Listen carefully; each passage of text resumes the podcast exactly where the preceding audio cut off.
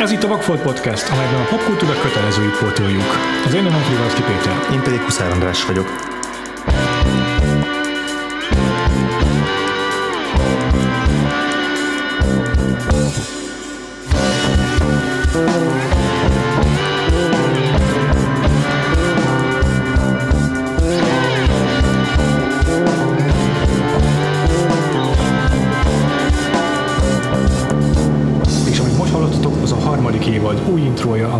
Artú zenekar komponált Szegedről.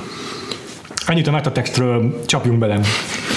Ritka, hogy egy színdarab olyan mértékben meghódítsa a világot, ahogy tavaly a Hamilton tette, nem pusztán a musicalek vagy a Broadway iránt máskülönben nem különösebben érdeklődő rétegeket megszólítva, hanem egyben politikai és a társadalmi közbeszédet is energizálva.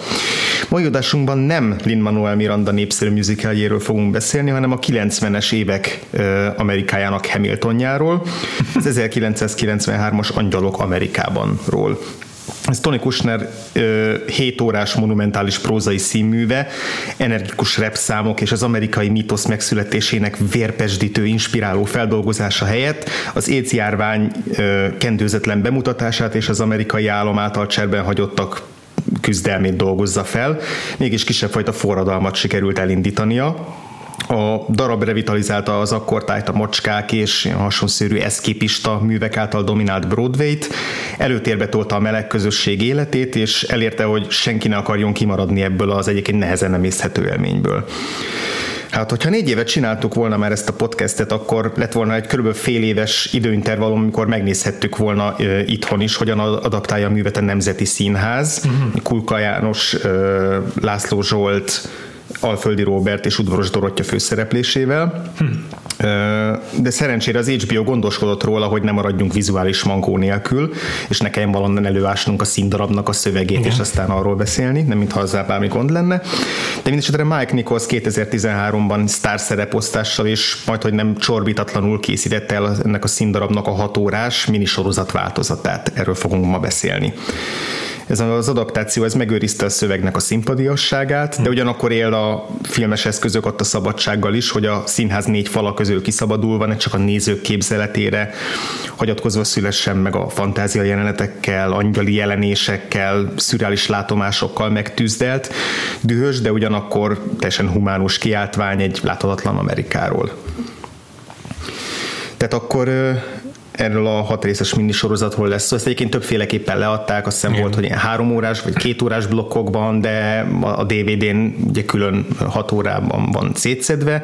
Pontosabban a, a magyar DVD kiadáson úgy jelent meg, hogy két lemezen a két fele a darabnak, ahogyan, a, ahogyan azokat egyébként a Kushner is tervezte, tehát Igen. két darabra bontotta fel a darabot. Igen, az első rész az a Millennium Approaches, a másik Igen. pedig a Perestroika. Igen. Csak annyi, hogy a DVD-n megőrizték azt, hogy az egyes epizódok között így ott van a stáblista a végén, de utána folytatódik a darab ugyanúgy. De hogy egybe blokkokban van? Aha, aha. Nem csak a, az időtartamát tekintve monumentális ez a színdarab per minisorozat, hanem a, a szereposztását is, mm. és ezt nem csak arra értem, hogy rengeteg főszereplőt mozgat, hanem, hanem, a, hanem tényleg Hollywood krémje jelenik meg az adaptációban. Itt van rögtön Mike Nichols rendező, tehát azért az ő neve ez kapásból garancia arra, hogy valami maradandót, vagy legalábbis mindenképpen érdeklődésre számolt tartót fogunk látni. Főszerepben pedig, ha csak a két legnagyobb húzó nevet mm. említeni, akkor az Al Pacino és Meryl Streep, de hát egy kicsit kisebb szerepben megjelenik Emma Thompson, valamint a, a cast maradékát alkotják olyan nevek, mint Jeffrey Wright, Patrick Wilson, Mary Louise Parker, de a főszerepet igazából uh, Justin Kirk játsza, uh-huh. aki Prior, Prior szerepében bukkan föl, Prior Walter szerepében, aki a pozitív hőse a, az Angyalok Amerikában darabnak. Hát voltak éppen ő az a szereplő, aki a az első rész legelején közli a barátjával, hogy hív pozitív lett. Uh-huh. Mindez ugye 80-as évek közepén játszódik. Igen. 1985-ben, tehát amikor tényleg a, a legnagyobb... Ez hisztéria kellős közepe, meg egyébként is a konzervatív régen éra, ami régen adminisztráció, a, igen. igen azért a, nem, nem, nem, állt állott, vagy nem állt távol a régen érától a gyűlöletkeltés és a félelemkeltés. Igen, meg hát ugye most pont volt a tavaly a Nancy Reagan halála kapcsán ö, rengetegen írtak arról, hogy hogy annak idején mennyire volt, mennyire volt a, a, az elnök házaspár felelős a, ennek a járványnak a, az elharapozásáért, pontosabban azért, hogy semmit nem tettek, hogy azért, hogy megállítsák, és hogy te már 80-as évek elején, tehát 81-82-ben azt hiszem már akkor ilyen több tízezerre rugott az áldozatoknak a száma, és hogy körülbelül a 80-as évek közepéig kellett várni arra, hogy egyáltalán megemlítsék a, a, a Fehérházból, hogy ez egy valós, valós dolog. És hogy most egy kicsit utána olvastam ennek, és hogy gyakorlatilag az kellett hozzá, hogy, a, hogy az első úgymond híres ember, a Rock Hudson nevű színész az, az életét veszítse az AIDS miatt, aki jóban volt egyébként az elnöki házaspárral is, és hogy ezután kezdtek, kezdtek el kampányolni Elizabeth Taylor, meg több olyan neves hollywoodi személyiség, meg közszereplő, hogy, hogy valamit, valamit tegyenek azért, hogy Értem, tudomásul vegyék, hogy van egy ilyen izé, országos járvány Amerikában, mm. és hát mindezzel foglalkozik gyakorlatilag a, a a minisorozat is, meg a darab, tehát ez azért egy nagyon-nagyon erős politikai töltetű, ilyen polémikus mű, aminek a közepén van ez a főszereplő, aki körül mm. így zajlanak az események, és ugye felsoroltad a szereplőket, azt is rögtön az elején érdemes említeni, hogy nem mindegyikük, de nagyon sokan több szerepben is felbukkannak, ez is a, a színdarab, az eredeti színdarab Sajátos előírásának megfelelően történik, mm-hmm. tehát Mary Streep is és Emma Thompson is három-négy karakterbőrében bukkan föl. Van, hogy, hogy ilyen egyjelenetes, gyakorlatilag ilyen cameók szerepében, mondjuk a pont a Prior Walter, tehát a, az őt játszó Justin Kirk, egyszer fölbukkan egy a Central Parkban egy ilyen bőrszerkós kamions bajszos, kamions bajszos fickónak a, a szerepében is gyakorlatilag felismeretetlen a hangját is elváltoztatja. Tehát, hogy van egy csomó amikor nem is lehet. De Jeffrey Wright is felbukkan egy hajléktalan szerepében, és őt sem lehet beazonosítani. Igen, sőt, a nem, film... egyébként be lehetne azonosítani. sőt, a, rögtön a film egyik első jelenetében egy ősöreg nagy szakállas rabbit játszik Meryl Streep. Igen, igen, igen, igen. Azért ott feltűnt nekem, hogy a hangja egyértelműen női hang, de, de egyáltalán jöttem rá, hogy ő Meryl Streep. A hatalmas a szakál mögött rejtőzik, szóval nem nehéz nem nem nehéz lett volna felismerni. Igen. Szóval érdekes, hogy a, ugye nem, nem olvastam a darabot, uh-huh. nem tudom, hogy pontosan mi maradt ki a, a feldolgozásból, de ez az időtartamából tekintve is valószínűleg nem sok, nem mert sok. hogy egy 7 órás darabot tömörítettek össze hat órává.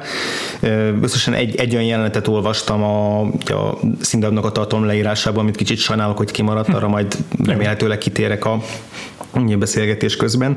De hogy igazából szerintem, aki ezt megnézi, az úgy nagyjából képben van azzal, hogy mi ez a, mi ez a darab. Még jobban is, mint, a, mint hogyha a nemzet is feldolgozást láttam volna, mert ott azt hiszem új fordításban gyakorlatilag a kettőt egy ilyen három órás körülbelül művé aha, tömörítették le, vagy nem tudom, hogy pontosan mennyi volt, de az biztos, hogy nem az eredeti uh-huh. hossza, de hogy egyébként is ezt nagyon sokféleképpen szokták játszani, hogy csak az első felét, igen, igen. mert hogy az úgy kvázi önmagában is megáll valamennyire, hanem is kerek egész, de van egy olyan struktúrája, amit amit, amit le lehet adni. Eredetileg is úgy volt, hogy először azt írta meg, mm. először azt mutatták be, azt kapott Tony díjakat, és a következő évben mutatták be a második felét, ami valami 700 oldalas első eredeti kéziratból dolgoztak, dolgozott, tehát a Tony Kushner hosszú idő alatt azzá, ami a, a végleges darabnak a, mm. a műve. De ugye nem csak a mérete, hanem ez tényleg mindenben nagyon monumentális és nehezen, nehezen nem észthető szöveg, nagyon szövegközpontú, tehát mm. a, a, a, a minisorozatban is a szövegre kell nagyon igen. koncentrálni. Igen, igen, igen. És nem csak a politika erős témája a, az angyalok Amerikában, hanem, hanem többek között a vallás is. Uh-huh. a szereplők között találunk zsidó vallásúakat, meg mormonokat is uh-huh. egyaránt, illetve hát az ateizmus is egy fontos szerepet képvisel a, a Prior képében a darabban. Uh-huh. És emellett pedig egy nagyon erős személyes dráma is, és az, ami Mike Nichols feldolgozásáról egyértelműen elmondható az az, hogy ő inkább a, az emberi drámára fektette a hangsúlyt. Míg a, ezt legalábbis, így, így ezt, ezt legalábbis Tony Kushner maga így hm. állítja. Aha. És úgy, úgy mondja, hogy látott már sokkal átpolitizáltabb uh-huh. adaptációkat is. És még így is egyébként azért bár szokatlan, vagy hát lehet, hogy nem ez a jó szóra, hogy szokatlan, de, de az, hogy, hogy ennyire erősen át tudta menteni a, ennek a darabnak a ilyen polemikus, meg Igen. nagyon eszmékre kihegyezett voltát. Tehát vannak benne olyan nagyon hosszú viták, vagy monológok, amik kifejezetten valamilyen politikai, vagy, vagy ideológiai mm-hmm. álláspontok ütköztetéséről szólnak, és úgymond idézőjelben nem viszik tovább a cselekmény, de hát itt ugye ennél nem is a cselekmény előre gördítése számít igazán, hanem hogy ennek az egész jelenségnek, meg ennek a ennek a, az időszaknak a, a, a történetét minden egyes oldalról így Igen. bemutassák, és ennek minden, minden betületére kitéljenek. Tehát ez egy nagyon-nagyon így, olyan, mint hogyha beledobnánk egy kavicsot, a, a, a nem is kavicsot, egy cikla tömböt a, egy tóba, és itt folyamatosan terjednének szét az által vetett hullámok minden irányban. Igen.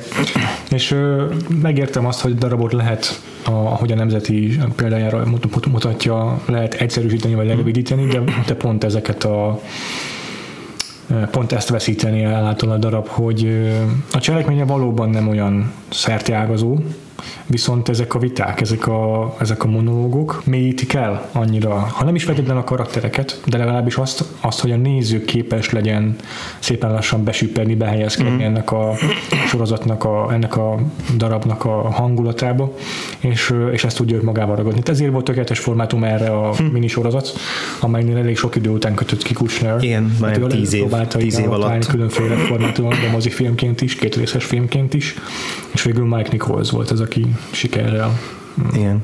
Korábban még így a legnagyobb név, akit így, aki így csapódott a projekthez, az Robert Altman Aha. volt, akit, akinek szintén el tudom képzelni ezt a művet, mert, a, mert az ő filmje is jellemző ez a fajta ilyen szerteágazó Igen. dialógusokra kihegyezett történetmesélés, de, de, de hát Mike Nicholsnak meg azért ugye komoly múltja van abban, hogy színdarabokat adaptáljon mm. filmre. Mm. Mm. Eleve szín, színházi rendezőként kezdte a pályát, mielőtt megcsinálta volna például a The Graduate-et. és aztán ő a, ő rend, tehát ő, várjál, a igen, ő, ő rendezte meg a Nem félünk a farkastólnak a, a filmadaptációját. Tehát látszik, hogy a mind a két közegben nagyon otthonosan mozog, és azért itt ennél nagyon fontos, mert valahogy dinamikussá kell tenni azokat a jeleneteket, amik a, a színpadon, mivel ott ugye úgy ülünk be egy színházba, hogy tudjuk, hogy ez a négy fal, ez adott lesz, vagy a három fal, meg mi, mi, mi képezzük a negyediket, és hogy, hogy emiatt egy filmnél sokkal inkább igényeljük azt, hogy, hogy a, ezekben a monológokban, meg a, meg a hosszas dialógokkal közben úgymond történjen is valami a vásznon. És, és ezt mondjuk szerintem elég, elég jól megoldotta. És hát Mike Nicholson nem áll távol ez a fajta ilyen tematikus sokoldalúság, sokrétűség sem, hiszen a, olyan átpolitizált filmek is kötődnek a nevéhez, mint a Charlie Wilson háborúja, uh-huh. és olyan személyes darabok is, mint a Closer és aztán ott van például a 22-es csapdája, mert tökéletes egyvelege, csak ennek a, ennek a személyes történetnek, meg az ilyen ideológiák ütközésén. Meg abban, hogy ambiciózus, tehát azért ha. ahhoz, hogy valaki ehhez az anyaghoz hozzányúljon, ahhoz, ahhoz iszonyú nagy ambíció is kell, mert azok miatt, amiket elmondtunk. Igen, igen, igen, igen. igen. A, egyébként ezt én dobtam be ezt az ötletet, hogy ezzel nyissuk fel a, a ezzel üssük fel a harmadik évadot, amit aztán így az ünnepek alatt nem biztos, hogy ez volt a leg, legpihentetőbb nézni való, hogy le, le tudni ezt a hat órát. Igen. De hogy részben egy ön, önös érdekből is dobtam be, mert hogy most harmadszor futottam neki ennek a minisorozatnak. Még annak idején, amikor az HBO először bemutatta, akkor elkezdtem egyszer nézni, azt hiszem akkor talán egy részt láttam belőle. akkor láttam egy kicsit belőle. És aztán most pár éve még egyszer neki futottam, hogy végignézem, és akkor meg két résznél, Aha. két résznél álltam le, mert mert hogy tényleg borzasztó nehezen, nehezen befogadható, és Igen. nagyon megterhelő lelkileg is, meg, meg, meg szellemileg is ez a, a, a, a sorozat. Egyrészt a, tehát nekem alapvetően a betegségekről szóló filmeket eleve nagyon nehéz végignézni, főleg, hogyha ennyire nyersen és ennyire tényleg kendőzetlenül ábrázolja.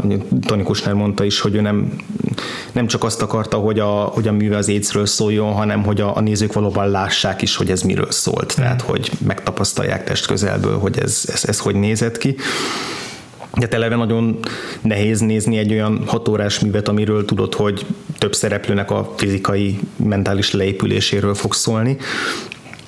Másrészt pedig pont így ez már-már ilyen áthatóhatatlan szöveg miatt, meg a, van, van az egésznek egy ilyen nagyon apokaliptikus hangvétele. Persze. A, az, a, az első rész, az első három ö, epizódban Prior Walternek folyamatosan olyan a fejében olyan hangok szólalnak meg, meg olyan dolgok történnek körülötte, ami azt jelzi előre, mint hogyha valami közeledne, valamilyen erő, amiről ő sincs pontosan tisztában, hogy micsoda, de hogy, de hogy ez a ez a valami, ami közeledik, és ami aztán egy angyalnak a megtestesülése. megtestesülése ez, ez végig egy nagyon fenyegető atmoszférát teremt így a, a, a, az epizódokhoz, és ez szerintem a, már a főcím is nagyon-nagyon tökéletesen megragadja, ami San Franciscóból indulva át, ahol, ahol ugye a, a darab megszületett, onnan átkerül New Yorkba, mm. és akkor a kamera így a felhők között lebegve végig megy Amerika fölött egy-egy ilyen nevezetes várost, meg, meg amerikai nevezetességet megmutatva, és akkor a végén leszáll a Central Parkban a Bethesda téren, ahol ott áll egy angyal egy szoborral, és a, engem mindig, izé, mindig végigfutott a hátamon a hideg a legutolsó képénél ennek a főcímnek, amikor Thomas Newmannek ez a nagyon szép, kellemes, megható zenéje, a végén így nagyon diszonássá válik, és akkor ugye a leg, legutolsó, legvégén megmozdul ez a szobor és fölnéz, és ez iszonyatosan hátborzongató, és, és ez az egész, számomra legalábbis a, a sorozat egészére jellemző volt.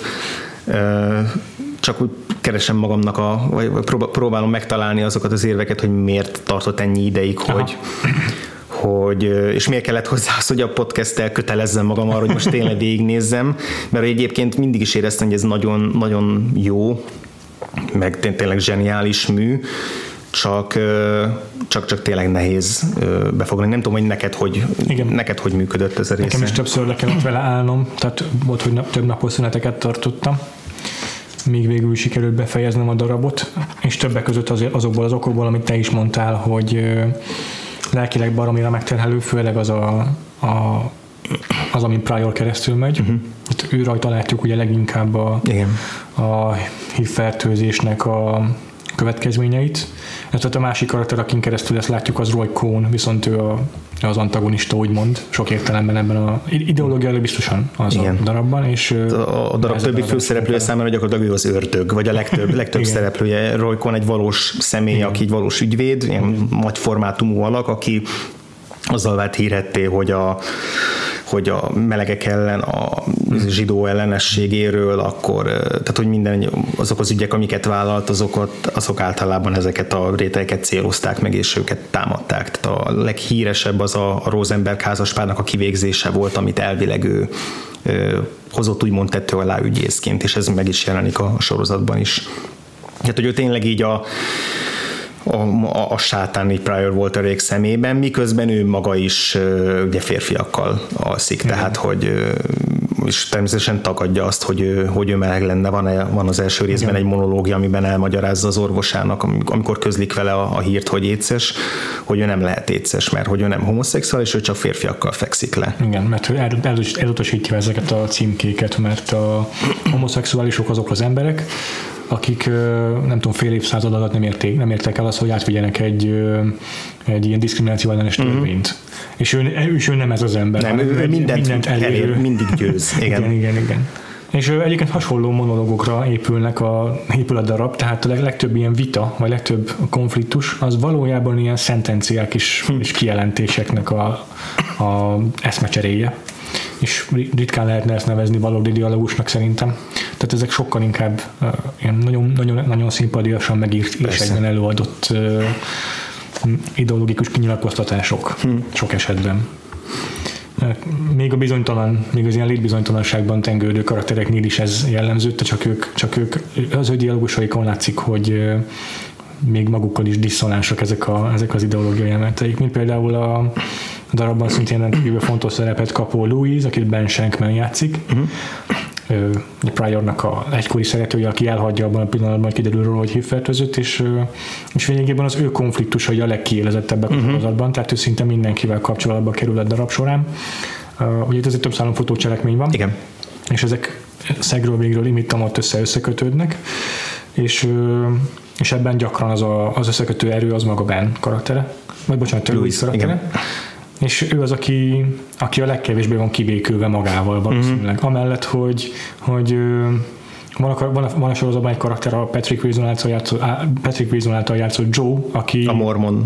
A, aki mormon, és, és éppen azzal küzd a sorozatban, hogy felismeri magára, hogy homoszexuális. Igen. Mégis úgy gondolom, hogy benne a sok... Louis, igen. És úgy gondolom, hogy Louis a sokkal konfliktusosabb karakter. Igen, ő az, akinek én elképesztően mélyre, mélyen gyökeredző önutálattal harcol, igen. és emiatt uh, ez, ez abban érvényesül, hogy, hogy mindenki ellen ilyen dühös, mm. szenvedélyes politikai kirohanásokat mm. intéz. És érdekes, hogy a, a Tony Kushner saját bevallása szerint is a leginkább a Louis barakta bele saját magát.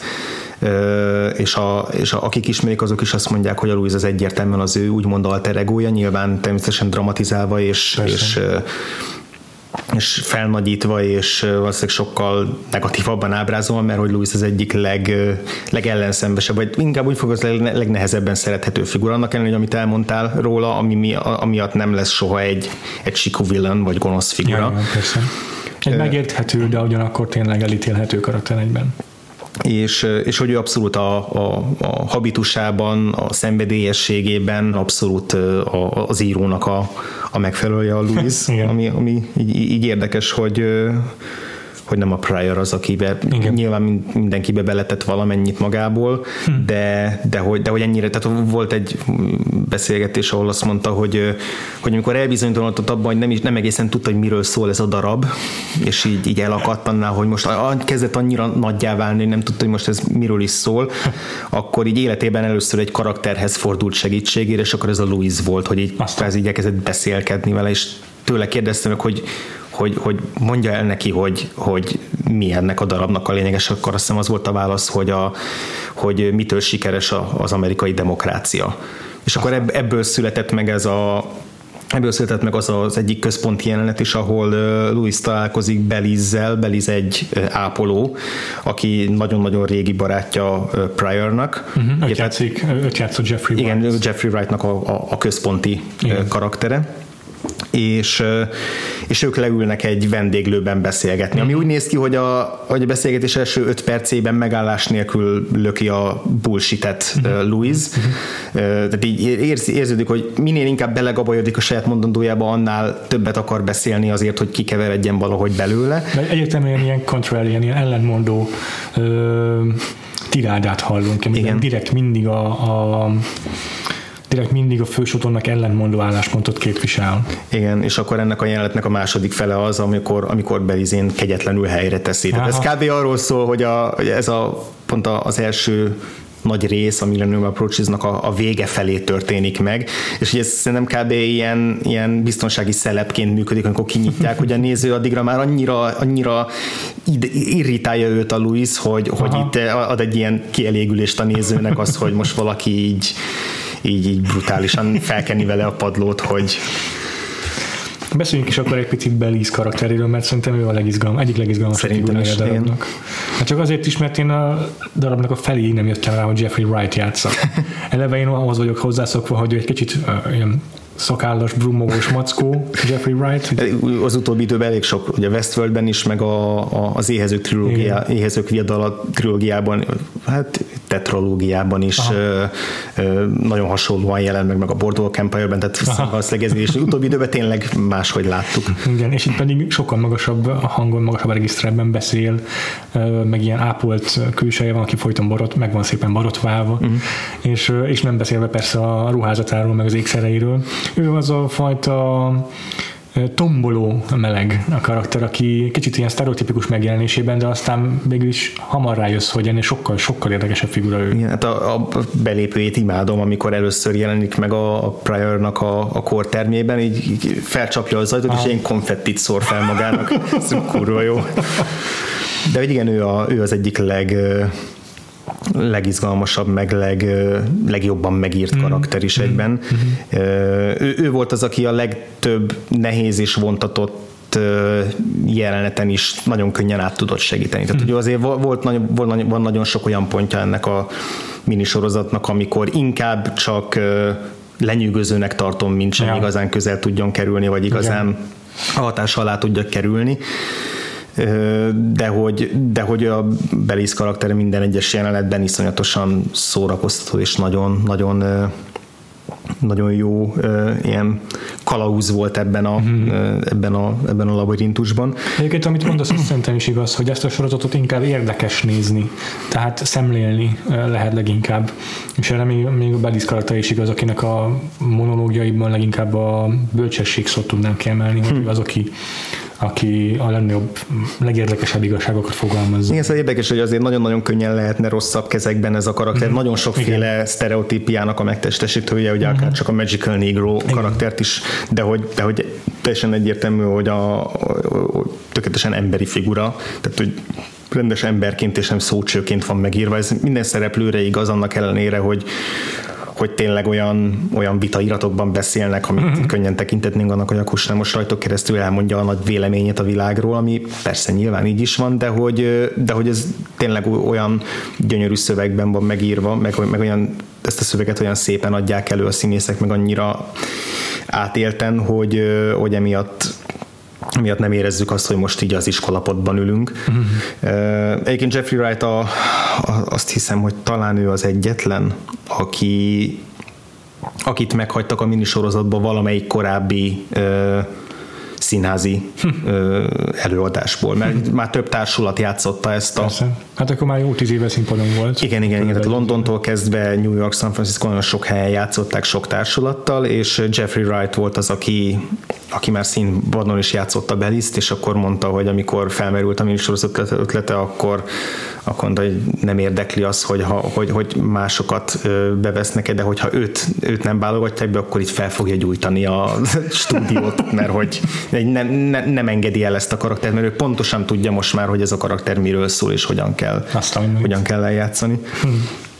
Jeffrey Wright kurva jó színész. Tehát... Igen, ezt, ezt eddig is sejtettem, de mostanra győződtem meg róla leginkább. Igen, tehát nagyon érdekes egyébként, az, hogyha szín, már a színészeknél tartunk, hogy hogy mennyien szépen megoszlik az, hogy a veteránok milyen ö, stílusban játszanak, meg a úgymond fiatalok, akiket Aha. a többséget azért most arra már ismerik sorozatokból, filmekből, de hogy akkor még azért ők nagyon elég új arcnak számítottak, mert hogy a ott az Al Pacino, a Meryl Streep, meg az Emma Thompson, akik ilyen nagyon-nagyon széles gesztusokkal játszanak. Igen, nagyon tényleg olyan az a fajta játék, amikor a, a hátsó soroknak játszol a színházban, ezt, ezt, ezt hozzák át. Igen Persze a szerepek is nagy részt olyanok, vagy, vagy vannak olyan szerepeik, amik ezt megkívánják, de hogy de hogy mind Roy Cohn, akkor Meryl Streepnek az egyik karakter, az Ethel Rosenbergnek a szelleme, aki elkezdi kísérteni a Roy Cohn, tehát a kettőjük jelenetei azok tényleg így a, a, a nagyszobású színjátszás magas iskolája. Aha. De, de még, még Joe anyukája, az egyik karakter, akit Meryl Streep játszik, aki egy ilyen visszafogott kis csöndes, ilyen kis egérszedő mormon anyuka figura, még őt is olyan beleéléssel játsz a Meryl Streep, és amikor megjelenik, akkor a nagyon egyszerű kis mondatait, amivel az, azokból is így sugárzik ez a, ez a Meryl Streep féle Igen, lehengerlő uh-huh. karizma. És velük szemben meg ott van akár Justin Kirk, akár Ben Shankman, akár Mary Louise Parker, vagy Patrick Wilson, uh-huh. akik meg ilyen nagyon visszafogottan, nagyon szerény eszközökkel játszanak. Persze ott is vannak nagy kirohanások, nagy kirobbanások. Persze, mindegyikükre jellemző egyfajta bizonytalanság, hogy meg a karakterek úgy értem, hogy is vannak megírva, igen, van igen. egyfajta keresés, meg, uh-huh, igen. igen. És hogy ezért bármennyire is ugye élmény nézni Al Pacino-t meg Meryl Streepet, ahogy így zé, egymásnak esnek képletesen, de hogy, de hogy lehet, hogy ezért a legdinamikusabbak azok a jelenetek, amikor ebből a kétféle csoportból eresztenek össze embereket. Tehát a, a, a minisorozat második felében, a Perestroika alcímű három részben, ott Al Pacino karakter, ez a Roy Cohn, amikor már kórházba kerül, akkor szinte végig Belizzel vannak közös jeleneteik.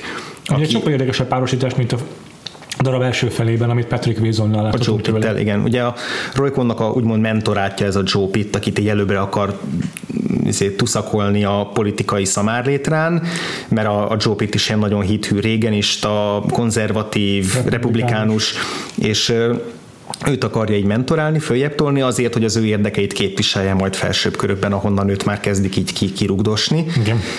És igen, sokkal érdekesebb az, amikor szembe kerül egy olyan, olyan, olyan emberrel, aki mérhetetlenül gyűlöli őt, és nem hajlandó aláfeküdni a, a, az ilyen nagy hangú parancsainak, meg nem hajlandó behúzott nyakkal engedelmeskedni, ahogy ő azt megszokta szinte mindenkitől, aki a környezetében van. Vagy elfogadni a, az ilyen szentenciaszerű kijelentéseit a világról, vagy akár, akár saját magáról a Belizről. Igen, és hogy ebben a, ebben a kapcsolatban is a, a Beliznek a, a humánuma meg az empátiája mennyire erős, hogy hát Rojkon a majd az utolsó pillanatig egy, egy megveszekedett rohadék, uh-huh. de persze ő is ilyen van ábrázolva, uh-huh. de hogy az, hogy az, hogy képes Beliz őt így úgymond átsegít, vagy nem, nem, is, nem, nem jó kifejezés az, hogy átsegíti a, a, a haldokláson, de, de hogy nagyon, nagyon érdekes és komplikált a, a kettejüknek a, a kapcsolata részben azért is, mert hogy, mert hogy gyökeres ellentéte a két színésznek a, a megközelítése ahhoz, hogy hogyan játsszák el a karaktereket. Tehát az Al Pacino még lefogyva a halál küszöbén is ordít és üvölt, és, és, és kitágult szemmel játszik, és hozza azt, amit Al Pacino-tól a, főleg a késői időszakában megszoktunk. Aha. Jeffrey Wright pedig, pedig minimális játékkal egy, egy, egy, egy ajakbigyeztéssel, vagy, vagy, vagy orra felhúzásával szóval érzékelteti az undorát, meg a tekintetével játszik rengeteget, tehát hogy tényleg egymás ellentétei, és ettől borzasztó izgalmas lesz az, hogy, hogy, hogy ezek így összecsapnak. Még amikor ugye Meryl Streep van ott, akkor ahogy mondtuk, ő, ő Meryl Streep. De egyébként emellett érdekesek a, a fiatal-fiatal párosítás, az ilyen hm. kombinációk is, tehát a korábban már említett Joe Pitt, akit Patrick Wilson játszik, ő rengeteg szerepben, vagy rengeteg jelenetben szerepel együtt Louisa, uh-huh. és, és Joe Pitt tényleg a ha nem is, egy, ha nem is ennyire lehet redukálni a karakterét, de az ifjúkori kiadás a, a Al Pacino karakterének, hmm. legalábbis abban az értelemben, hogy a republikánus is hasonló, konzervatív is hasonló van, hogy mondjam, hogy mondjam magyarul a closet. Én is ezt a szót kerestem, igen. és hasonlóan titkolja a szexualitását. Igen. És Vagyis még magának sem ismeri be hát pontosabban. még magának sem ismeri be, igen. És sok tekintetben aztán apránként a, ő is a, az ellenfelévé válik a, a darabnak, hogy úgy mondjam. Tehát ugye végül is egy konfliktusban mm, csúcsosodik ki az ő ö, sztori ö, szála, uh-huh. amelyet, amelyben Louisa konfrontálódik, és ö, végül aztán így őt le is írja a darab, úgymond. Tehát hmm. a végén ő nem szerepel az utolsó jelenetben a Igen. pozitív túlélő karakterek között, úgymond. És és azért hoztam ezt fel, mert, a, mert, mert Joe akármennyire is egy ilyen leginkább elítélhető figurája a darabnak, aki semmibe veszi a feleségét, és, és leginkább csak ártani tud neki, és aztán mikor már elkezdi felvállalni a saját szexualitását, akkor is igazából csak ártani tud a partnerének, az új férfi partnerének. Szóval mégis van benne annyi humánum, hogy tud vele azonosulni, és tud megérteni a konfliktusát.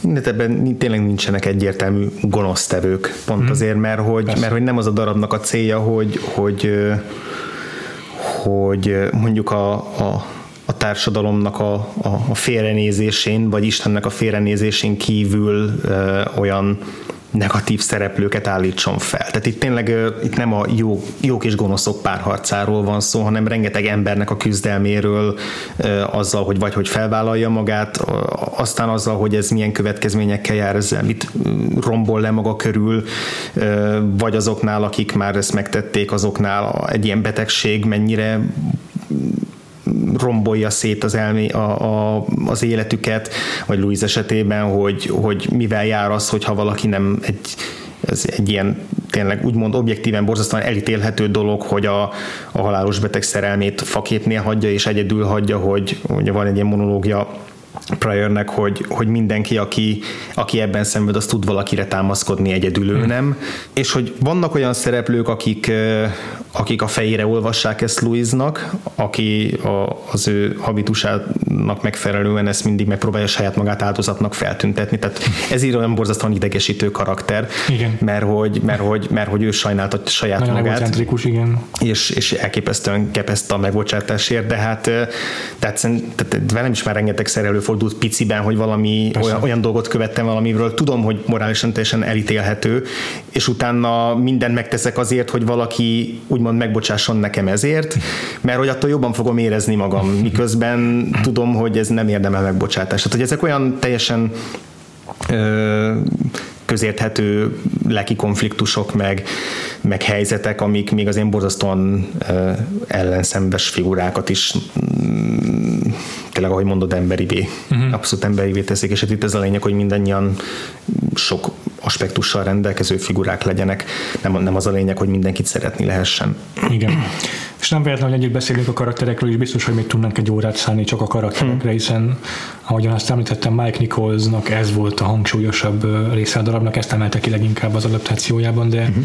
azért tényleg vaskosan megjelenik itt ez a, a, egyrészt ilyen teológiai vita, vagy konfliktus, másrészt egy ilyen politikai szál is a történetben, ami szerintem igazából a kettőnek a szintézise fogalmaz meg Amerikáról egy érdekeset, csak megvizsgál, vagy, vagy uh-huh. megfigyel Amerikával uh-huh. kapcsolatban dolgokat.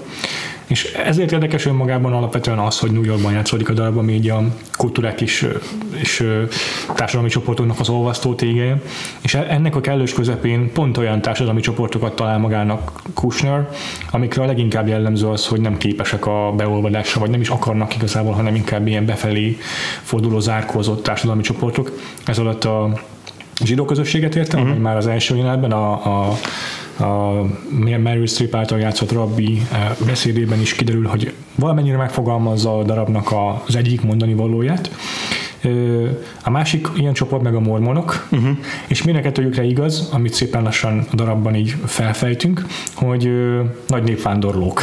Hm. Tehát ugye Amerikában érkezett a, érkezett zsidó bevándorlók gyerekei, vagy hát leszármazottairól szól a darab egy része, uh-huh. ez derül ki a rabbi beszédéből, és a, és a mormonok meg, akik Utahban elfoglalták, úgymond Salt Lake City-t, vagy kinevezték a, fe, a központjuknak a, azt a területet, ami aztán később Salt Lake City lett, és ugye erről beszél Mary Streep karaktere Joe Pitt anyukájaként egy csomót.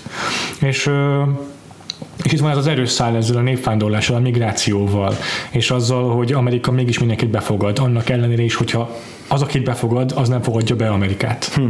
És és aztán ott van még ezek az egyéb közösségek, amikhez tartoznak a szereplők, mint a melegek, meg a feketék belíz esetében, uh-huh. és, és, és nagyon erőteljes szerepe van a darabban ennek a közösséghez tartozásnak. És hogy ez milyen kötelezettségekkel adott esetben, hm. vagy hogy igazából leg, leginkább az, azt jelenti ez mindenki számára, hogy hogyan identifikálja magát. És ebben a leg, egyik legérdekesebb az pont Roy Cohn, aki mikor magát bemutatja, akkor maga magára egy sikeres ügyvédként hivatkozik. Ki az az ember, aki a foglalkozásával identifikálja magát? Én soha nem mondom magamról az semmilyen bemutatkozásban, hogy én valamilyen programozó vagyok. Tehát ez, ez nagyon furcsa számomra ez a fajta ilyen diszonáns önazonosul, önazonosítás, hogy, hogy számára a legfontosabb aspektus az, hogy ő milyen, mi, mi, mi a foglalkozása. Ez érdekes. A Roy szerintem a, az amerikai self-made mennek, uh-huh. ennek az önmegvalósító embernek a, az eltorzult változata, uh-huh. vagy az, hogy, a, hogy mi történik, hogyha valaki abszolút csak az individualizmusban uh-huh. kiszakítja magát minden közösségből, amiben eredetileg tartozik, uh-huh. és, és csak azzal foglalkozik, hogy ő saját maga az előrehaladásáért miket kell megtennie, és ezért ezért mivel minden, úgymond minden tétet arra tesz föl, hogy ő politikailag és, és hivatásában sikeres legyen, ami számomra azt jelenti, hogy mindig győzzön. Uh-huh. Ezért lesz ő a Roy Cohn a sikeres ügyvéd, ami uh-huh. olyan mértékben határozza meg az ő identitását, hogy a halálos ágyán is az, az egyetlen dolog, amit meg akar őrizni az, hogy úgy hal, ha úgy hal meg, hogy ő még egy ügyvéd, uh-huh. akkor semmi probléma, akkor győzött mert hogy az élete utolsó pillanataiban is még egy csatát folytat, vagy egy harcot folytat, amiben ő már nincs jelen, Igen. csak így, mint hogyha a tudatával próbálna harcolni az ügyvédi kamara ellen, akik a, az élete során elkövetett rengeteg túlkapás miatt, meg, meg korrupció, meg zsarolások miatt. Most, hogy gyenge, gyengébb lett, most, hogy nem tud harcolni, most ki akarják túrni, és és meg akarják fosztani a, a, az ügyvédi titulusától. titulusától. És ezért, a, ezért, ezért az utolsó pillanatig mindent arra tesz fel, hogy, ő, hogy ő úgy halljon meg, hogy még mindig ügyvéd, és amikor ez, amikor a Ethel Rosenberg szelleme közli vele, hogy ez már, nem, ez már kútba esett, ami ugye megint nem tudjuk, hogy ez mennyire valóság, honnan tudhatnám, egy fu, fu, fu, érdekesen kezeli a szellemeket, hmm. így a látomásokat Kushner, mert hogy rengeteg esetben szereplők az álmaikban, vagy kísértetek olyan dolgokat tudnak, amiket elméletek nem tudhatnának, viszont a darabban igaznak. ténylegesen igaznak. Külső számérő számára tudjuk, hogy igaz. Igen, bizonyulnak, tehát hogy itt tényleg ilyen ezek nem, nem csak a, a szereplőknek a figmentációi, hanem ezek valóban kísértetek, akik, Igen. akik, akik valóban olyan dolgokat állítanak, amik igazak, vagy nem, de hogy, de hogy inkább szerintem nagyon sok olyan példa van rá, amikor, amikor ezt állítja a sorozat. Ezzel kapcsolatban azért fontos, hogy az az alcíme a darabnak, ami a tévésorozatnak, amit a tévésorozat nem vett át, hogy a Gay Fantasia, a uh-huh. National Team, Themes. Tehát, hogy azért benne van ebben a, a fantázia, fantázia azért persze. kimondott aspektusa ennek a darabnak. Igen. És egyébként ennek van egy része kapcsolódik magához a vallási szálhoz, vagy a vallási aspektusához a darabnak, hiszen, hiszen a legtöbb ilyen látomás az valamilyen ö, túlvilági, valamilyen isten eredetű látomás. Ugye Prior az, aki a hív fertőzése után szinte rögtön ugye elkezdi megtapasztalni ezt a jelenséget, és a darab az első felének a végén találkozik a által már említett angyallal.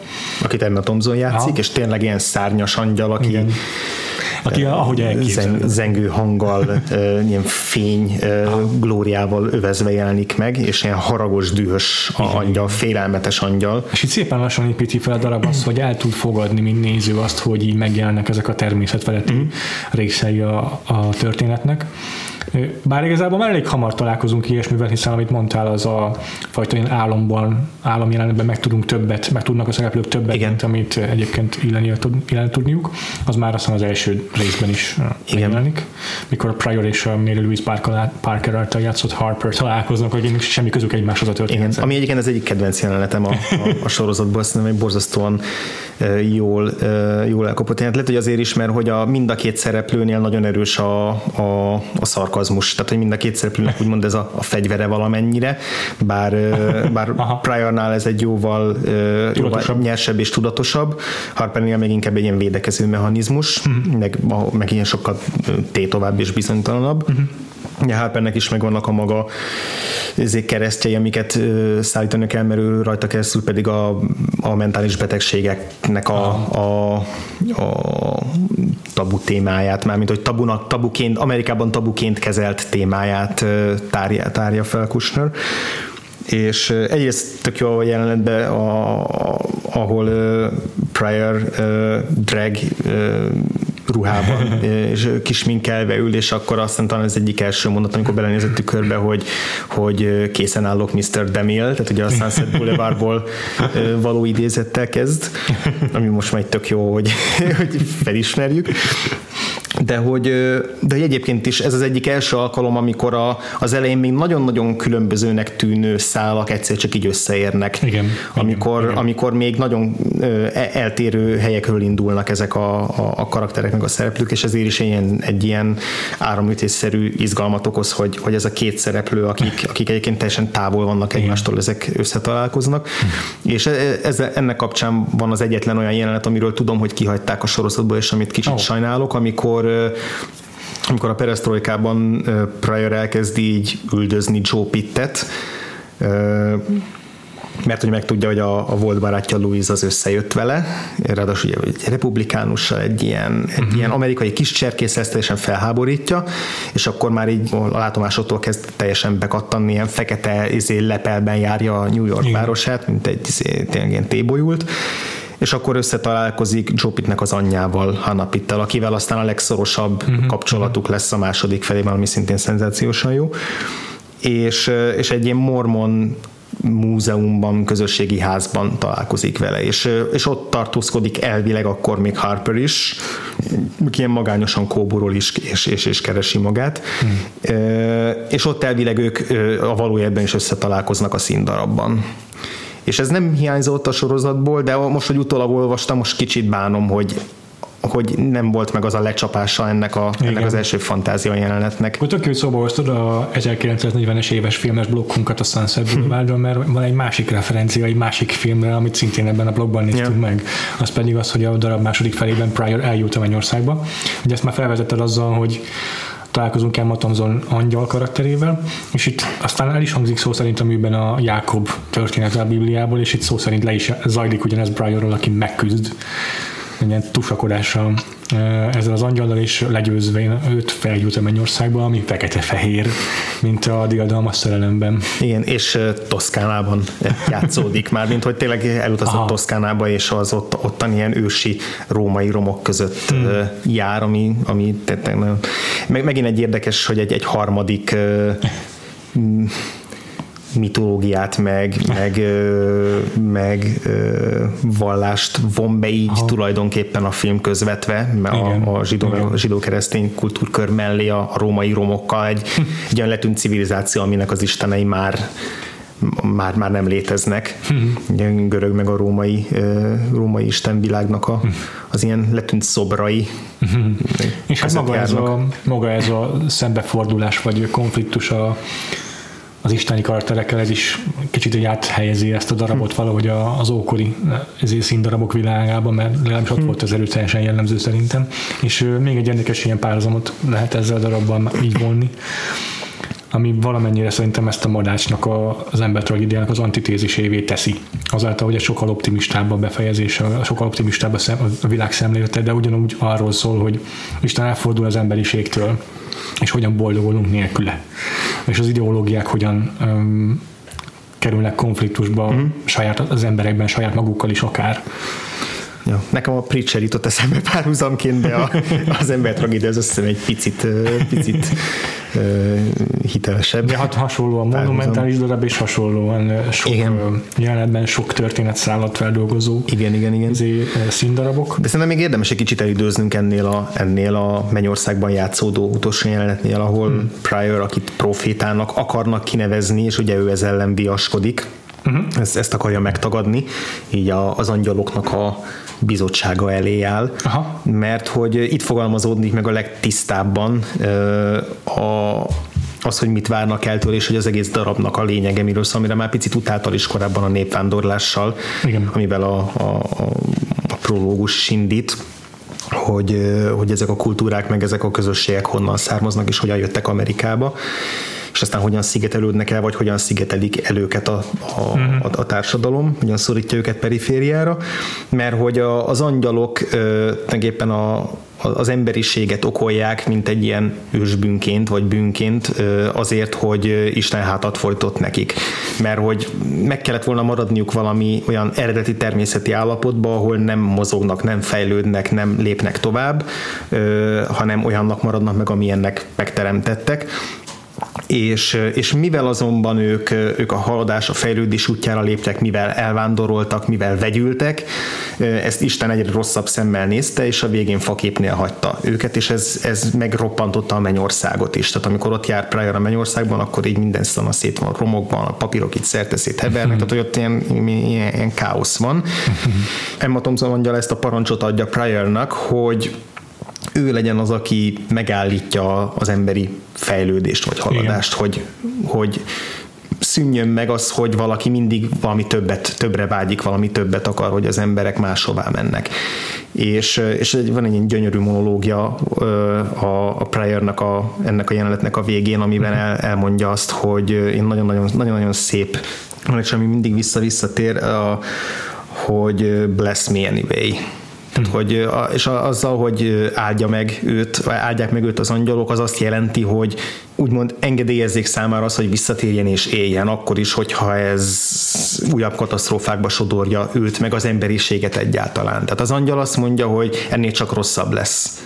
Uh-huh. És, és semmi értelme azért küzdeni, hogy az ember így, így élje az életét. És, és erre válaszolja azt, hogy Pryor, hogy, hogy, hogy ő akkor is élni akar, és hogy ő akkor is, bármennyire is nehéz, de hogy, de hogy, de hogy mennyire létfontosság az, hogy változzon az ember, meg változzon a társadalom, de hogy mindenek előtt ő még mindig élni akar, még akkor is, hogyha nincs semmi remény. És hogy felismeri, hogy ez lehet, hogy ez valamilyen ilyen állati ösztön, ez az életben maradási ösztön, de hogy, de hogy ő akkor is az életet választja, és akkor, e, e, akkor tér, tér vissza mindig ahhoz, hogy, hogy, hogy igen, a, a fejlődés, a haladás az, az mindig fájdalommal jár, küzdelemmel jár, de akkor is lesz milyen anyway. Nekem meg azt tetszik ebben, ugyanebben a monológban, amit, amivel lezárja a gondolatmenetét, hogy ha visszatér is Isten, akkor pereljétek. Igen, ami meg nagyon szépen utal a Roy Connak az egész Há. életére megint, hogy... Meg úgy általában véve Amerikára szerintem. Uh-huh. Tehát van ez a, ez már annyira modernista gond, az annyira modern gondolat, és annyira modern gondolkodásmód, uh-huh. és annyira amerikai minden mellett, hogy ezt a megoldást kell választani. ha valaki bűnt követel ellen, hogy beperni. Igen. Hogy meg, cserben, hogy. Meg van még egy nagyon szép, tehát hogy a, a, a szövegnek a zeneisége az azért mondtam korábban, hogy annyira még a, a, a nehezebben érthető, vagy esetleg döcögösebb jelenetek alatt, vagy zavarosabb jelenetek alatt is mindig, mindig átsegít amikor ilyen szépen ö, fogalmaz meg egy gondolatot, hogy even if we desire stillness, it's still desire. Tehát az, hogy a, a stillness stillnek a szójátékával játszik, ez, a, ez az egész kis rövid ö, félmondat, amiben az egész darab megfogalmazódik gyakorlatilag egy ilyen kis félmondatban, és annyira, annyira szépen hangzik. Nagyon jó. Ez a 80-as években egy tökéletesen megfogalmazott tézis a, a, a konzervativizmusról és a, a liberalizmusról, hogyha le akarom vagy progresszivitásról. Progresszivizmusról. És ennek meg tökéletes képviselői valószínűleg a homoszexuálisok, akik ebben az időben elítélve voltak és üldöztetve, és az ő... Semmibe véve, igen. Igen, és az ő az elmúlt 20 év, vagy 26 év bocsánat, inkább 30, hogyha 85 év. Lassan, az elmúlt, hát 30 év, hogyha úgy nézem, hogy mikor játszott a darab körülbelül, az szépen példázza is ezt, hogy, hogy, hogy mégiscsak mi értelme ennek az egész küzdelemnek. Nagyon nagyon pozitív, vagy optimista, inkább nagyon optimista felhanggal zárul a, a, uh-huh. az egész darab. Annak ellenére, hogy semmivel nem, sem lesz kevésbé sötét és kevésbé nehéz az a küzdelem, amit ábrázol, tehát hogy nem, nem lesz ilyen hurrá optimista befejezése, de ugyanakkor, ugyanakkor az utolsó részben, tehát nekem a, a minisorozat közepén volt pár olyan rész, amin nehezen tudtam átvergődni különböző húban, amire még picit vissza akarok térni, mert az ilyen rendezői megoldásokban jelenik meg, hogy amikkel még voltak gondjaim, de hogy az utolsó részben rengeteg olyan pont érkezik el, amikor, a, ami a megbocsátásról, meg a tovább lépésről szól. Az, amikor Roykon halál, ö, halálos ágyánál Ethel Rosenberg, aki csak azért kísérti őt, hogy lássa szenvedni, ö, a végén ö, gyakorlatilag, ha nem is megbocsát neki, de, de énekel neki. Uh-huh. Aki azt mondta, hogy ő, ő annyira gyűlöli Roykont, hogy még egy csillag is ragyog az égen, csak azért, hogy az a, az a csillag az az ő gyűlöletét, gyűlöletének az izzását jelképezze még ő is képes ott emberként viszonyulni ahhoz, aki kivégeztette. Ugyanúgy a, a, a Roy Kont szintén halálosan gyűlölő és megvető Louise még elmond fölötte, elmond érte egy kaddista a szintén a, mi, miután már Roy Cohn meghalt. De abban is segítségére van Ethel Rosenberg. Ethel Rosenberg, így van, így van. Vagy a, Harpernek, Mary Louise Parkernek az utolsó monológia, amire azt uh-huh. mondják a legtöbben, meg talán Tony Kushner maga is, hogy az a talán az egyik legszebb monológ az egész darabban. Legalábbis azok a színésznők, akik eljátszották Harpert, azok mind azt mondják, hogy az, az, az, az a beszéd a, a karrierjük csúcspontja azt, azt előadni. Amikor ül egy, felszáll egy repülőre, hogy San Franciscóba utazzon, új életet kezdeni. Ott egy olyan metaforával él, ami ami szerint a, a Földet végveszélybe sodró ózonjuk, ami többször felbukkan, ez egy olyan tipikus 90-es évekbeli jelenség, ami persze nem azt jelenti, hogy nem valós, csak hogy ez akkor az ózonjuk, mint olyan, az az, az akkor volt így nagyon téma, most már ugye tudjuk, hogy a globális felmelegedés az kamu de hogy, de hogy ez, ez Harpernek az egyik ilyen fixációja, hogy az ózonjukhoz egyszer föl akar jutni, meg meg akarja tudni, hogy ez pontosan miről szól, és akkor van egy ilyen metafora, hogy azok, a, azok akik meghaltak,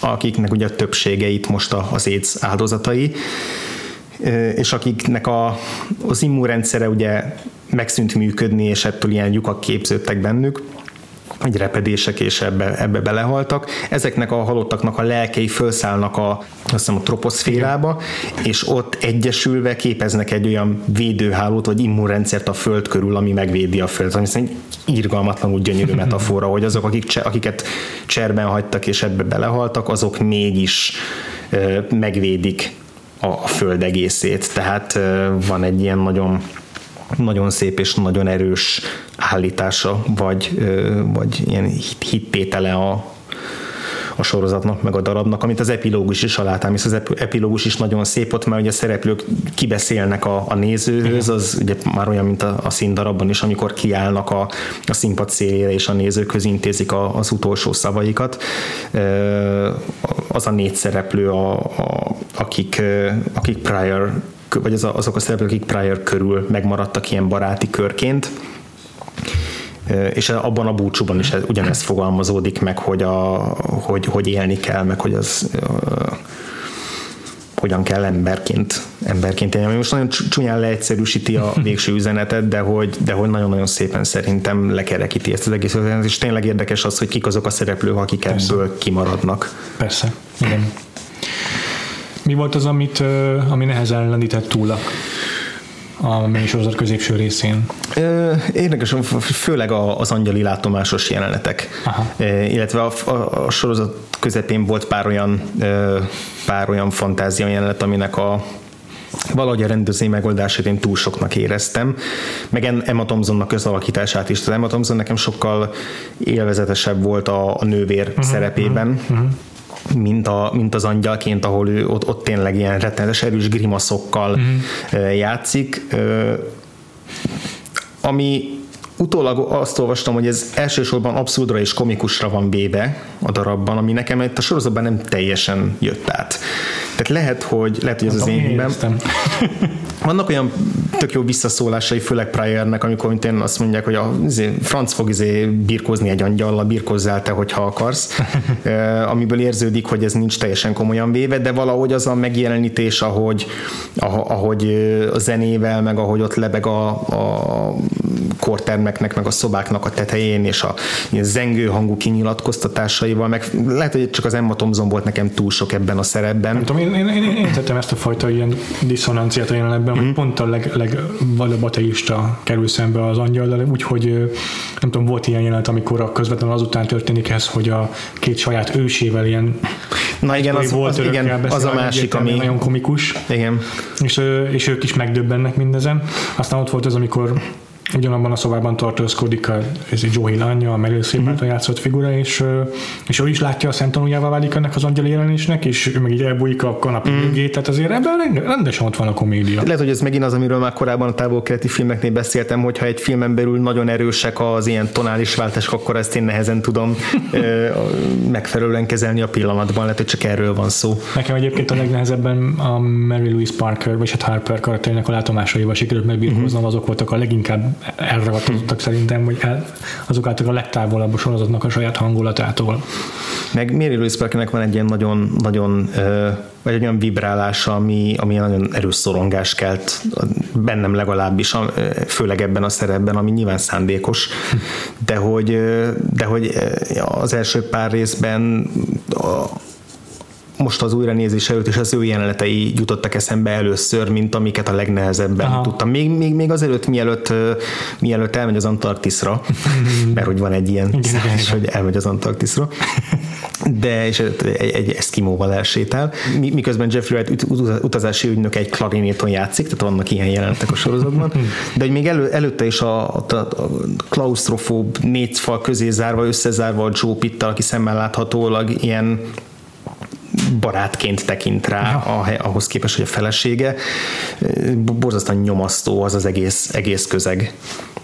igen, a... igen, igen, igen. Ezért voltak olyan jelenetek, ahol Mike Nicholsnak a, a, a rendezői erősségei tudtak érvényesülni. Most csak egy ilyen említenék meg. A, azt a második részben van, amikor Roy Cohn és Joe Pitt ülnek egy bárban, bárpultnál is beszélgetnek, és egy ilyen furcsa megkísértés, csábítás jelenet zajlik le, ami Joe Pitt nem is igazán érzékel. És, és ott van egy több nagyon hosszú snit, ami két dolgot mutat, miközben Joe Pitt beszél folyamatosan, és mesél a családjáról, és a múltjáról, és a mormon vallásáról, és a házasságáról. Ekközben a kamera folyamatosan Al Pacino-t veszi, és nagyon lassan közelít uh, Roy Cohnra, és végig az ő reakcióját figyeli azt, hogy kicsit már részegen hogyan hogyan, mint egy ilyen ragadozó, így hogyan ö, figyel az új ifjú mentorára, és aztán a másik dolog, amit pedig mindig mutat, az a keze, ami, a, ami Joe Pittnek a hátára vándorol, meg a vállára, és ö, ez csak egy, egy egyszerű rendezői választás, de ez pont olyan, hogy ezt neki bele kellett tennie, mert hogyha ezt a színpadon látod, akkor egyszerre látod mind a két szereplőt értelemszerűen, és te döntöd el, hogy kire figyelsz. Uh-huh.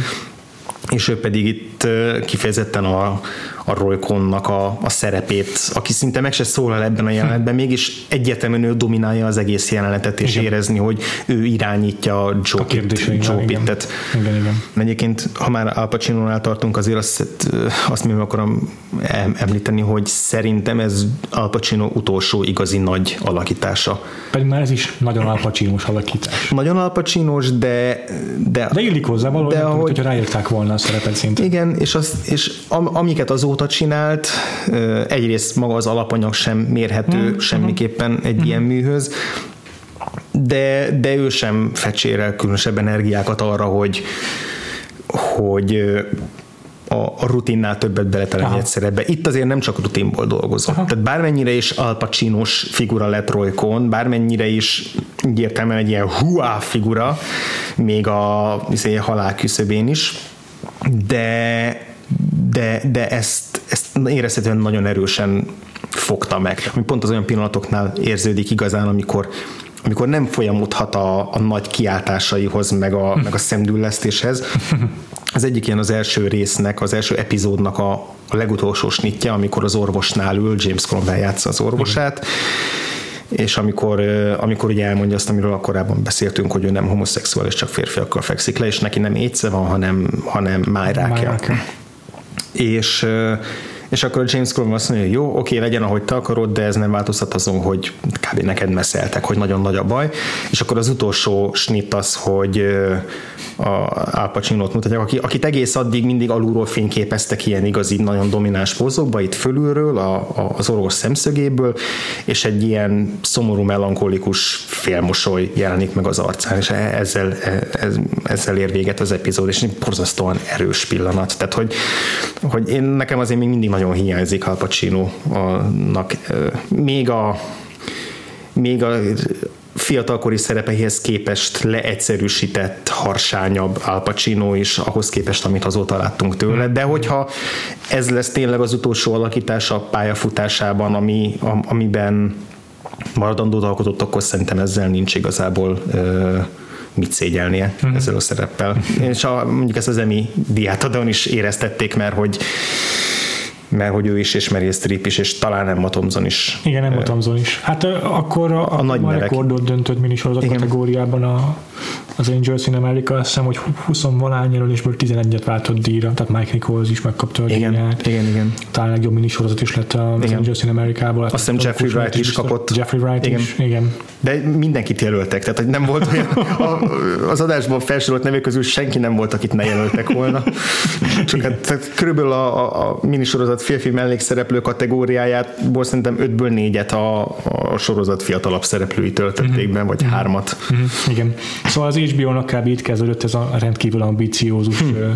ilyen feltörekvő hulláma. Ez, ez a sorozat az hat epizódjával a 60 millió dollárba került, tehát epizódonként 10 millióban, még ma is kiugrónak számítanak. Igen, igen.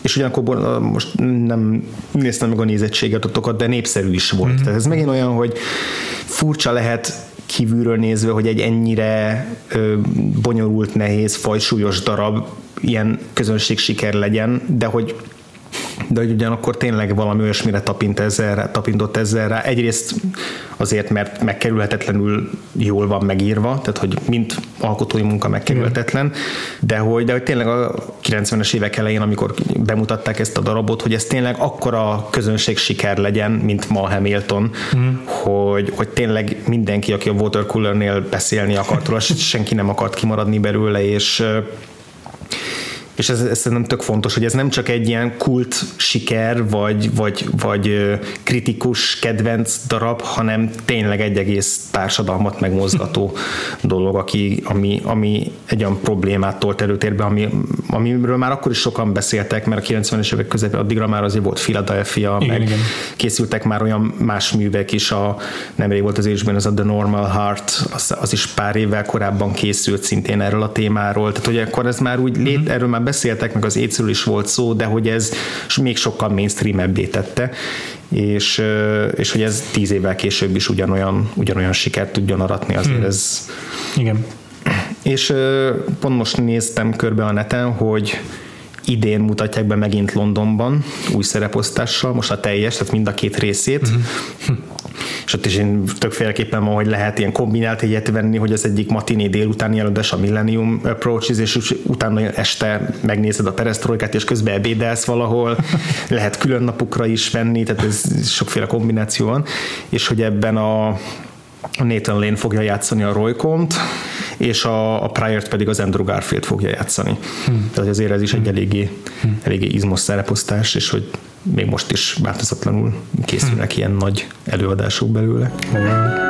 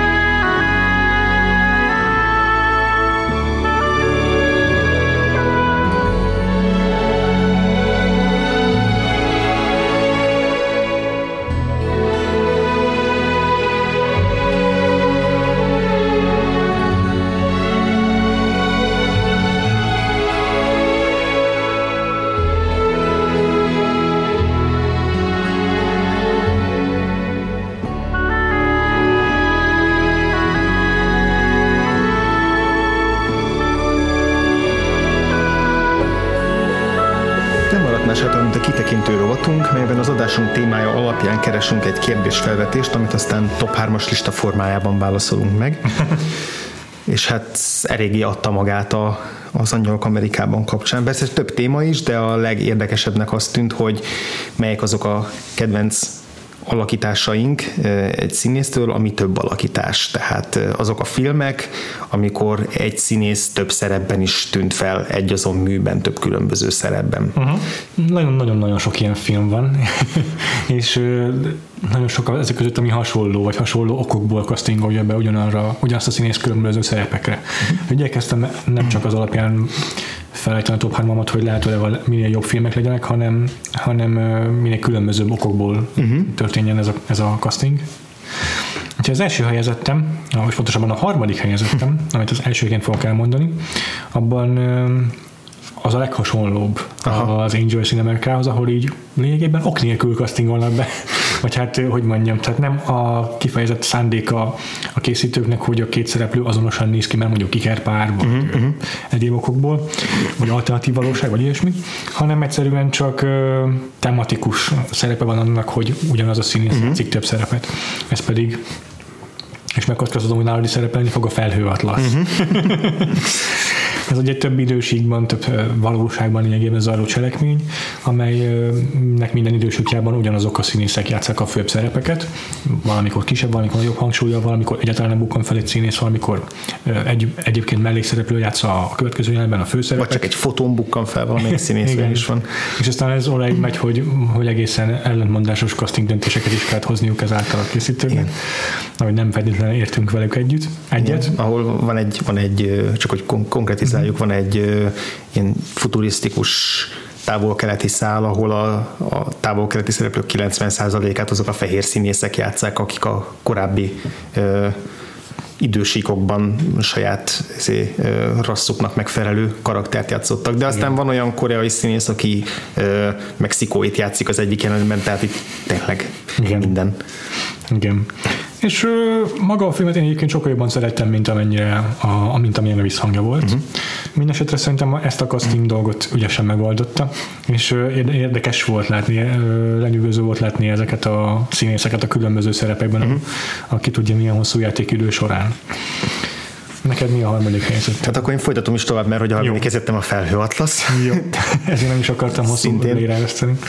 Igen, és hát a, a filmnek tulajdonképpen a, az első és elsődleges üzenete az, az ilyen lélekvándorláson túlmenően az, hogy ez a, a minden ember közti azonosságoknak a keresése, hogy a különböző idősíkokban élő emberek között milyen kapcsolatok léteznek, és hogy mennyire ugyanazokat a köröket járjuk újra meg újra, amíg fel nem ismerjük ezeket, és akkor változtatni tudunk rajta. És ezért is van az, hogy ebben a filmben a legtöbb színész minden időségben nagyon hasonló figurákat hoz, ami szintén egy érdekes választás. Ugye lehetett volna az is, hogy, hogy gyökeresen eltérő karaktereket játszanak, de mondjuk a Hugo Weaving az minden szálban ja. gonosztevő, ja. vagy ellenlábas, vagy valamilyen, valamilyen negatív szereplő. Még amikor egy ilyen Tebella nővért játszik. Akkor. Még akkor is, akkor is a izé a Cook fészkébőlnek a Fletcher nővét játsza. Még a Tom Hanksnek van a legnagyobb uh-huh. íve, mert ő a legkorábbi időségben egy veleig romlott figurát ja. játszik, és aztán ahogy halad előre az időben, egyre pozitívabb és egyre ö, vezeklőbb figura lesz a múltbeli, nem énjei, de múltbeli karakterek bűneiért. Már amikor elkezdtél beszélni a felhőatraszról, akkor ö, eszem, kezdtem így összekötni az Angyalok Amerikában, hogy hogy az Angyalok Amerikában ban is vajon vannak-e párhuzamok a, a között, hogy egy színész milyen karaktereket játszik. És azért szerintem van, mert Emma Thompson főleg olyan figurákat játszik, akik a Priornak valamennyire így a véd, védő angyalai, vagy, vagy tehát hogy a, ugye, ugye körülötte mozognak, akkor a Meryl Streepnek a karakterei azok mindig valahogy a múltat, a tradíciót uh-huh. fog, fogják meg, uh-huh. és ezért is érdekes a felhőatlasz is, hogy ott, ott sokkal erősebben tényleg tematizálva van, hogy, hogy nem véletlen, hogy melyik szerepeket játsszák mindig ugyanazok a uh-huh. színészek, és hogy színésznek is izgalmas, de a történethez is Aha. sokat tesz hozzá, de akkor eleget beszéltem, hogy mi lássuk a második helyzetedet, ott már talán nem lesz egyezés. Azért én itt is megkockáztatom, a második helyezettem azért választottam, mert ez az a film, az a csoportja az ilyen azonos színészeket különböző uh-huh. szerepek ragasztó filmnek, amelyben van szerepe a, annak úgy ugyanaz a színész játsza, uh-huh. történet szinten is, uh-huh. tehát textuális szinten is, és ezek ugye ilyen, tehát dramaturgiai értelemben vett Értem. a szerepek, és a, ezekben is van rengeteg, mert mit tudom én, sokszor ikreket játszanak a színészek, hmm. meg nem tudom, van, amikor ugye az klónokat próbálnak bitagolni, meg ilyesmi, és, és ez a film az ilyen párosításokban az egyik, ked, sőt a kedvencem, Na. ez pedig a The Prestige Prestige, uh-huh. amely Christopher Nolan legjobb film szerintem, de az egyik kedvenc filmem úgy összességében véve is. Uh-huh. És ebben a filmben egyrészt Hugh Jackman is több szerepet játszik, de aki érdekesebb az mindenképpen Christian Bale. Uh-huh. Mert ő a film egész végéig két szerepet játszik, és úgy, hogy látjuk egyrészt elmaszkírozva is őt különböző szerepekben, tehát megvan ez a fajta stunt is a dologban, de van ez is, hogy, hogy a néző nem tudja sokszor eldönteni, hogy a két karakter közül most melyik adja Melyiket, ki magát igen, a, a az egyiknek. Igen. és, és persze, hogyha többször megnézed a filmet, meg hogyha rájössz, hogy mire is kell figyelni, akkor észre fogod venni. Mhm. Mármint nem, a, nem, nem, nem, nem, nem tudom, maszk vagy ilyesmiről beszélek, hogy figyelni kell, hanem a színészi játékában, vagy a karakterének a jellemvonásaiban, amit mm. kell megfigyelni ahhoz, hogy tud, hogy éppen mikor melyik bukkan uh-huh. fel, de ez elképesztő ügyesen van tálalva, meg olyan olyan módon, hogy tényleg megérdemli a film azt, hogy egynél, egynél többször nézd meg. És, és ez megint csak Christian Bale színészi játéka mellett ezt tanúbizonyságot, hogy, hogy ez mennyire lenyűgöző aspektusa a filmnek. Szerintem a Prestige ilyen tekintetben az egyik legérdekesebb és legérdekesebb film, és az egyik legjobb adaptáció. Hm. Uh, igen, és fő, főleg, mert a, a Christian, Christian Bale nem teti meg azt, hogy gyökeresen eltérő karaktereket hoz.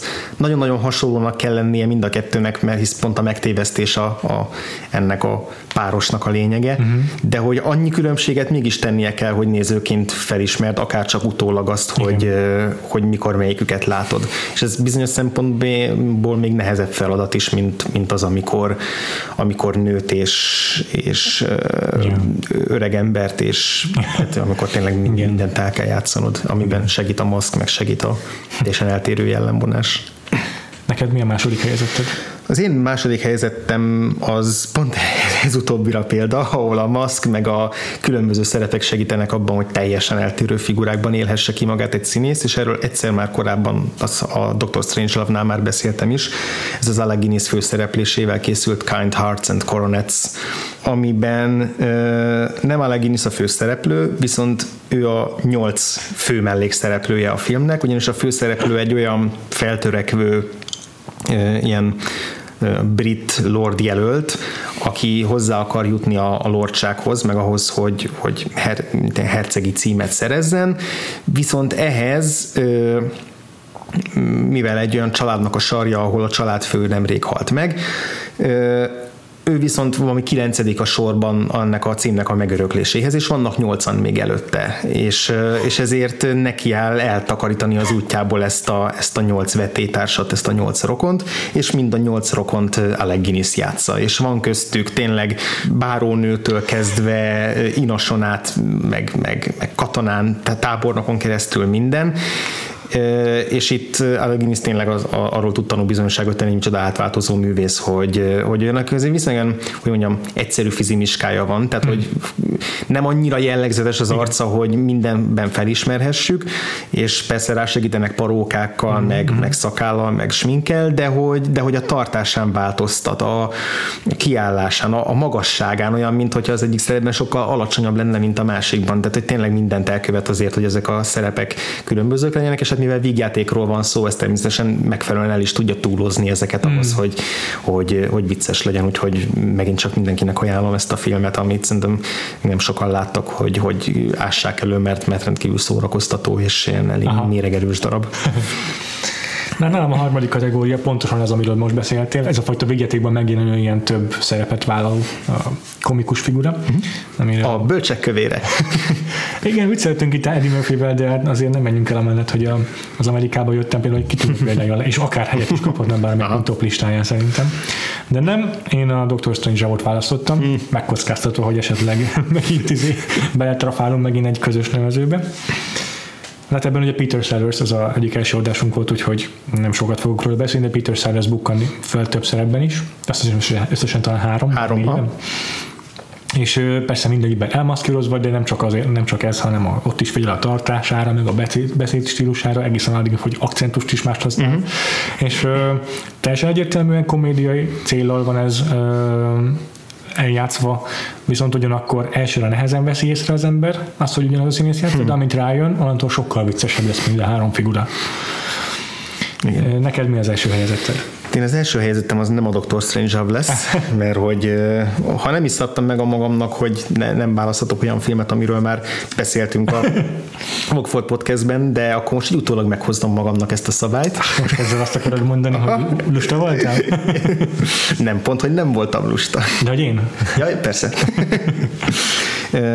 Az én első helyzetem az viszont pont egy olyan példája a egy színész több szerep konfigurációnak, ahol a színésznek az volt a feladata, hogy hogy minden szerepben szinte pontosan ugyanazt hozza, és mégis ez így teremtsen különböző karaktereket, ez pedig Tom Noonan az Anomalizából. Nagyon ahol az Anomaliza-ban ugye három színész szolgáltatja a szereplők hangját, viszont jóval több szereplője van az ennek az animációs filmnek, vagyis hát ilyen stop motion báb filmnek három szereplőnél. A, a, a főszereplő karakter, aki ilyen középkorú átlagember, aki egy konferenciára utazik el, és ott ilyen totális depresszióval kell szembenézni azzal, hogy az életben számára semmi nem nyújt már semmit, és minden egyenszürke, és minden ö, érdektelen számára, és ezt a Charlie Kaufmannak a, a koncepciója azzal oldja meg, hogy bárki, akivel találkozik, szinte pont ugyanúgy néz ki, vagy legalábbis nagyon hasonlóan a, ezek a bábok, Igen. viszont mindenkinek ugyanaz a színész Tom Noonan szolgáltatja a hangját. Igen. Akinek elve van egy ilyen kicsit furcsa nyugtalanító hangszíne, kicsit ebben a filmben egy unalmasra is van uh-huh. véve uh-huh. a, a hangszíne, monoton, szintelen. szintelen, furcsa regiszterben játszó hang, És itt, itt is el kell tenni el némi időnek, mire rájön az ember arra, hogy itt, hogy, hogy miért olyan furcsa minden, miért olyan furcsa minden a, mindenki, akivel beszél a főszereplő, Azért, mert az ő fejében mindenki pontosan ugyanúgy hangzik, kivéve azt az egy ö, nőt, akivel, akivel összetalálkozik, és aki úgymond szint visz az életébe, vagy a, akiről úgy gondolja, hogy, hogy más, és, Igen. És, és különbözik. Azon kívül, hogy mindenkit ugyanúgy kellett előadnia, még a humornak a nagy részét is ő szolgáltatta épp ez, éppen ezzel a, hmm. a hangszínével, meg ezzel a monotóniával. Hát akkor ennyit a kitekintőnkről, és mivel egy hét csúszásban vagyunk, ezért találjuk hogy gyorsan ezt a ezerköszönést, és vágjunk bele a következő heti témába. Hozzuk be ezt az egy hetet, igen, a podcast.hu-n nyugodtan kommenteljetek, hogyha ahhoz támad kedvetek, és ott kövessétek a posztjainkat. Uh-huh. A Facebookon is megtetitek mindezt a facebook.com per Vagfolt Podcast oldal alatt. iTunes-on iratkozzatok fel a podcastünkre, értékeljetek minket, hogy még több hallgatóhoz jusson a podcast a harmadik évadban. Azt nagyon megköszönnénk. Ezen kívül figyelhetitek a haladásunkat a Letterboxdon a Vagfolt címke alatt. Twitteren téged hol érnek el, András? Engem a Gains aláhúzás, G-A-I-N-E-S aláhúzás felhasználó név alatt téged. Engem a Freevo név alatt F-R-E-E-V-O. Az új főcímünket és átronkat az Artúr zenekar szolgáltatta. Nagyon köszönjük, őket lájkoljátok a Facebookon, illetve a Twitteren meg tudjátok őket találni. Pontosan. És hát akkor jövő hét, következő heti adásunk. Most egy két részes blokkot fogunk elindítani, aminek a szomorú apropója Carrie Fisher tavalyi év végi halála volt, és emiatt két filmet fogunk megnézni tőle. Az egyik az az első első, tehát a filmes debütálása lesz, mm-hmm. ezzel fogunk jövő héten foglalkozni, ez Hell Ashby-nek a Shampoo című filmje, a, a második pedig az önéletrajzi művéből készült adaptáció a Postcards from the Edge, amit egyébként ugyanaz a Mike Nichols rendezett, mint az Angyalok Amerikában, úgyhogy egy kicsit így trilógiával is bővíthetjük ezt a, mm-hmm. ezt a dolgot, de igazából ezt a csak a véletlen hozta, csak így. a véletlen hozta így. Úgyhogy, úgyhogy ezzel várunk titeket a következő két héten, és aztán utána még sok egyéb mással is. Sziasztok! Sziasztok!